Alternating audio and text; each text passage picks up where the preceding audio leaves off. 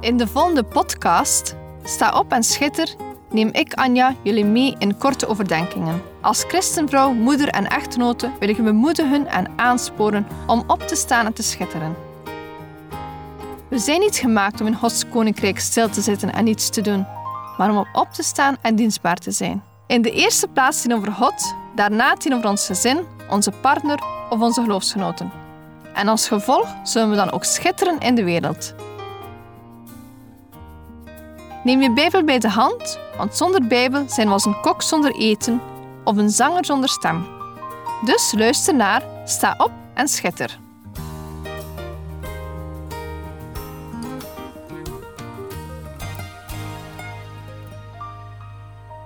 Beste luisteraars, zoals jullie wel al gehoord hebben in mijn podcast, heb ik een grote passie voor Jezus.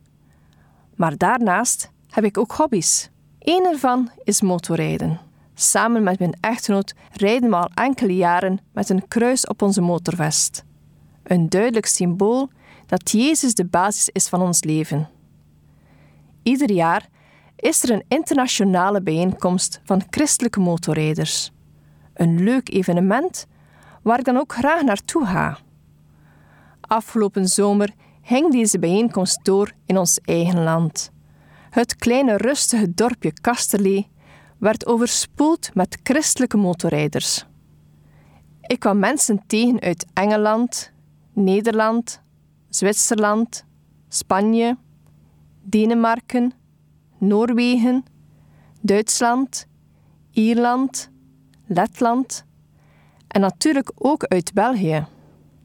Het thema was Back to the Basics. In het Nederlands gezegd, terug naar de basis.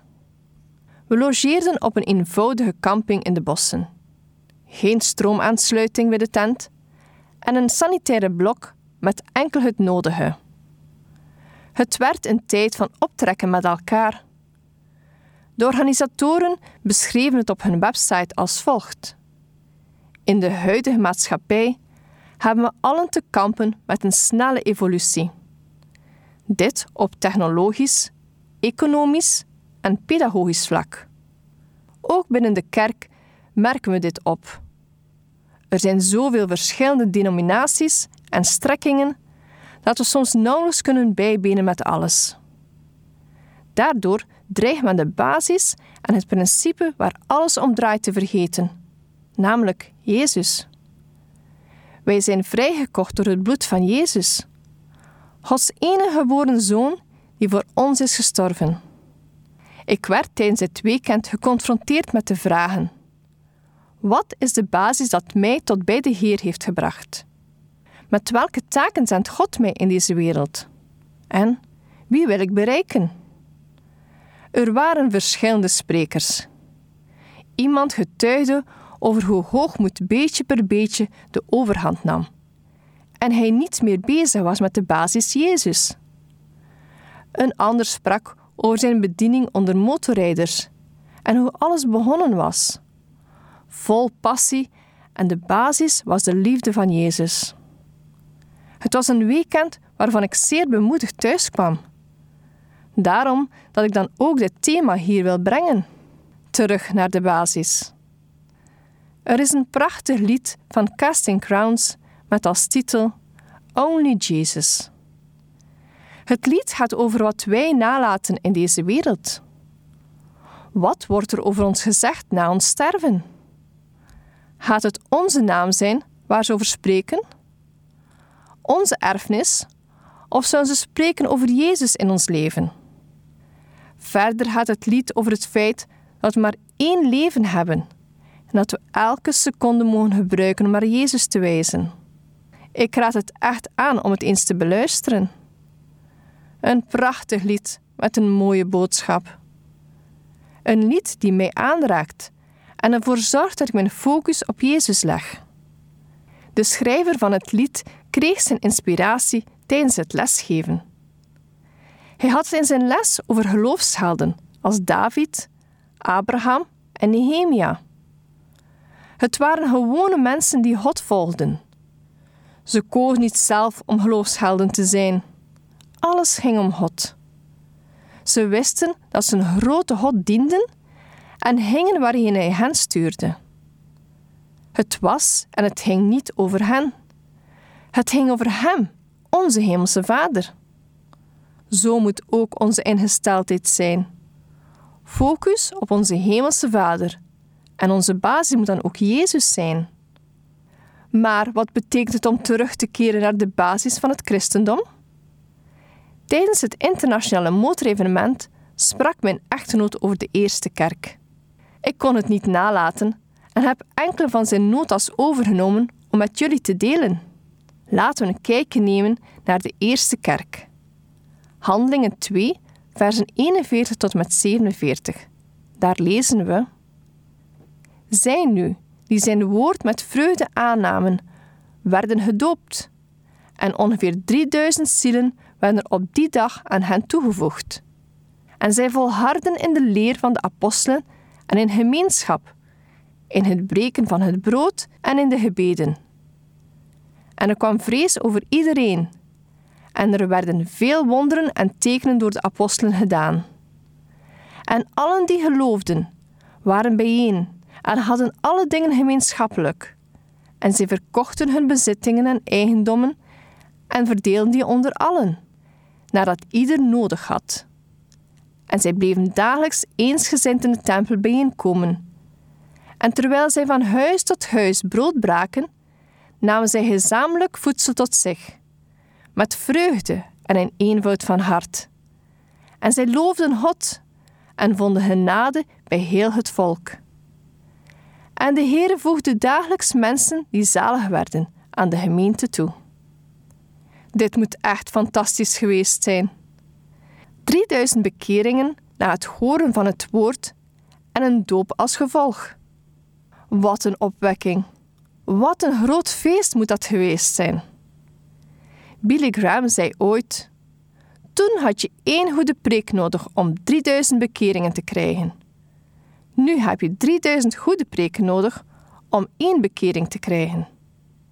Dit was het ontstaan van de eerste kerk. Het ging bij die eerste christen niet alleen om bekering, gevolgd door een doop, om daarna gewoon hun leven te hervatten. Nee, Degenen die het geloof kwamen, vormden een hechte gemeenschap met duidelijke kenmerken. We zien in het gedeelte uit Handelingen duidelijk dat die eerste christenen gekenmerkt werden door onderwijs, gemeenschap, breken van het brood en gebed. Het zijn vier basisprincipes voor een gezond christen. Vier basisprincipes die we ook vandaag nog zouden moeten vasthouden. Laten we ze eens één voor één bekijken. Het eerste basisprincipe is je willen laten onderwijzen. Bijbelstudie en Gods woord lezen is een basisprincipe. Lees je nog regelmatig? Maar sta je nog steeds open voor onderwijs? Wat bedoel ik daarmee? Gods onderwijs is meestal niet vrijblijvend. Het zal een mens met zaken uit eigen leven confronteren. Sta je daarvoor open? En dat betekent niet dat God niet van je houdt, maar Hij wil meer. Er is een mooie uitspraak, namelijk: Jezus houdt van je zoals je bent, maar Hij houdt te veel van je om je zo te laten. Onderwijs is nodig om te kunnen groeien. Sta open om te leren. De tweede basisprincipe is gemeenschap. Het gebruikte Griekse woord gaat hier over meer dan vriendschap. Het betekent delen. Delen in vreugde en verdriet. Delen in zegen, maar ook in nood. Zowel materieel, emotioneel als geestelijk. We worden opgeroepen om er voor elkaar te zijn. Als derde principe vinden we het breken van het brood. Dit verwijst naar de viering van het heilige avondmaal. Iedere kerk doet dit op een andere manier. Maar de symboliek is hetzelfde en mag ons steeds doen stilstaan bij het verleden, het heden en de toekomst. Het verleden. We zijn dankbaar voor wat Jezus voor ons heeft gedaan. Het heden. Het symboliseert de eenheid onder christenen. De toekomst. Jezus zal terugkomen en daar mogen we naar uitzien. Dan ben ik aangekomen bij het vierde en laatste basisprincipe, en dat is gebed. Een toewijding iedere dag opnieuw. Onderwijs, gemeenschap, breken van het brood en gebed zijn vier basisprincipes voor een gezond christen. Er staat ook duidelijk dat ze volharden in deze vier principes. Een relatie met Jezus is niet iets eenmaligs dat gebeurt tijdens onze bekering. Het is iets waar we ons aan moeten bewijden, iets dat we moeten onderhouden.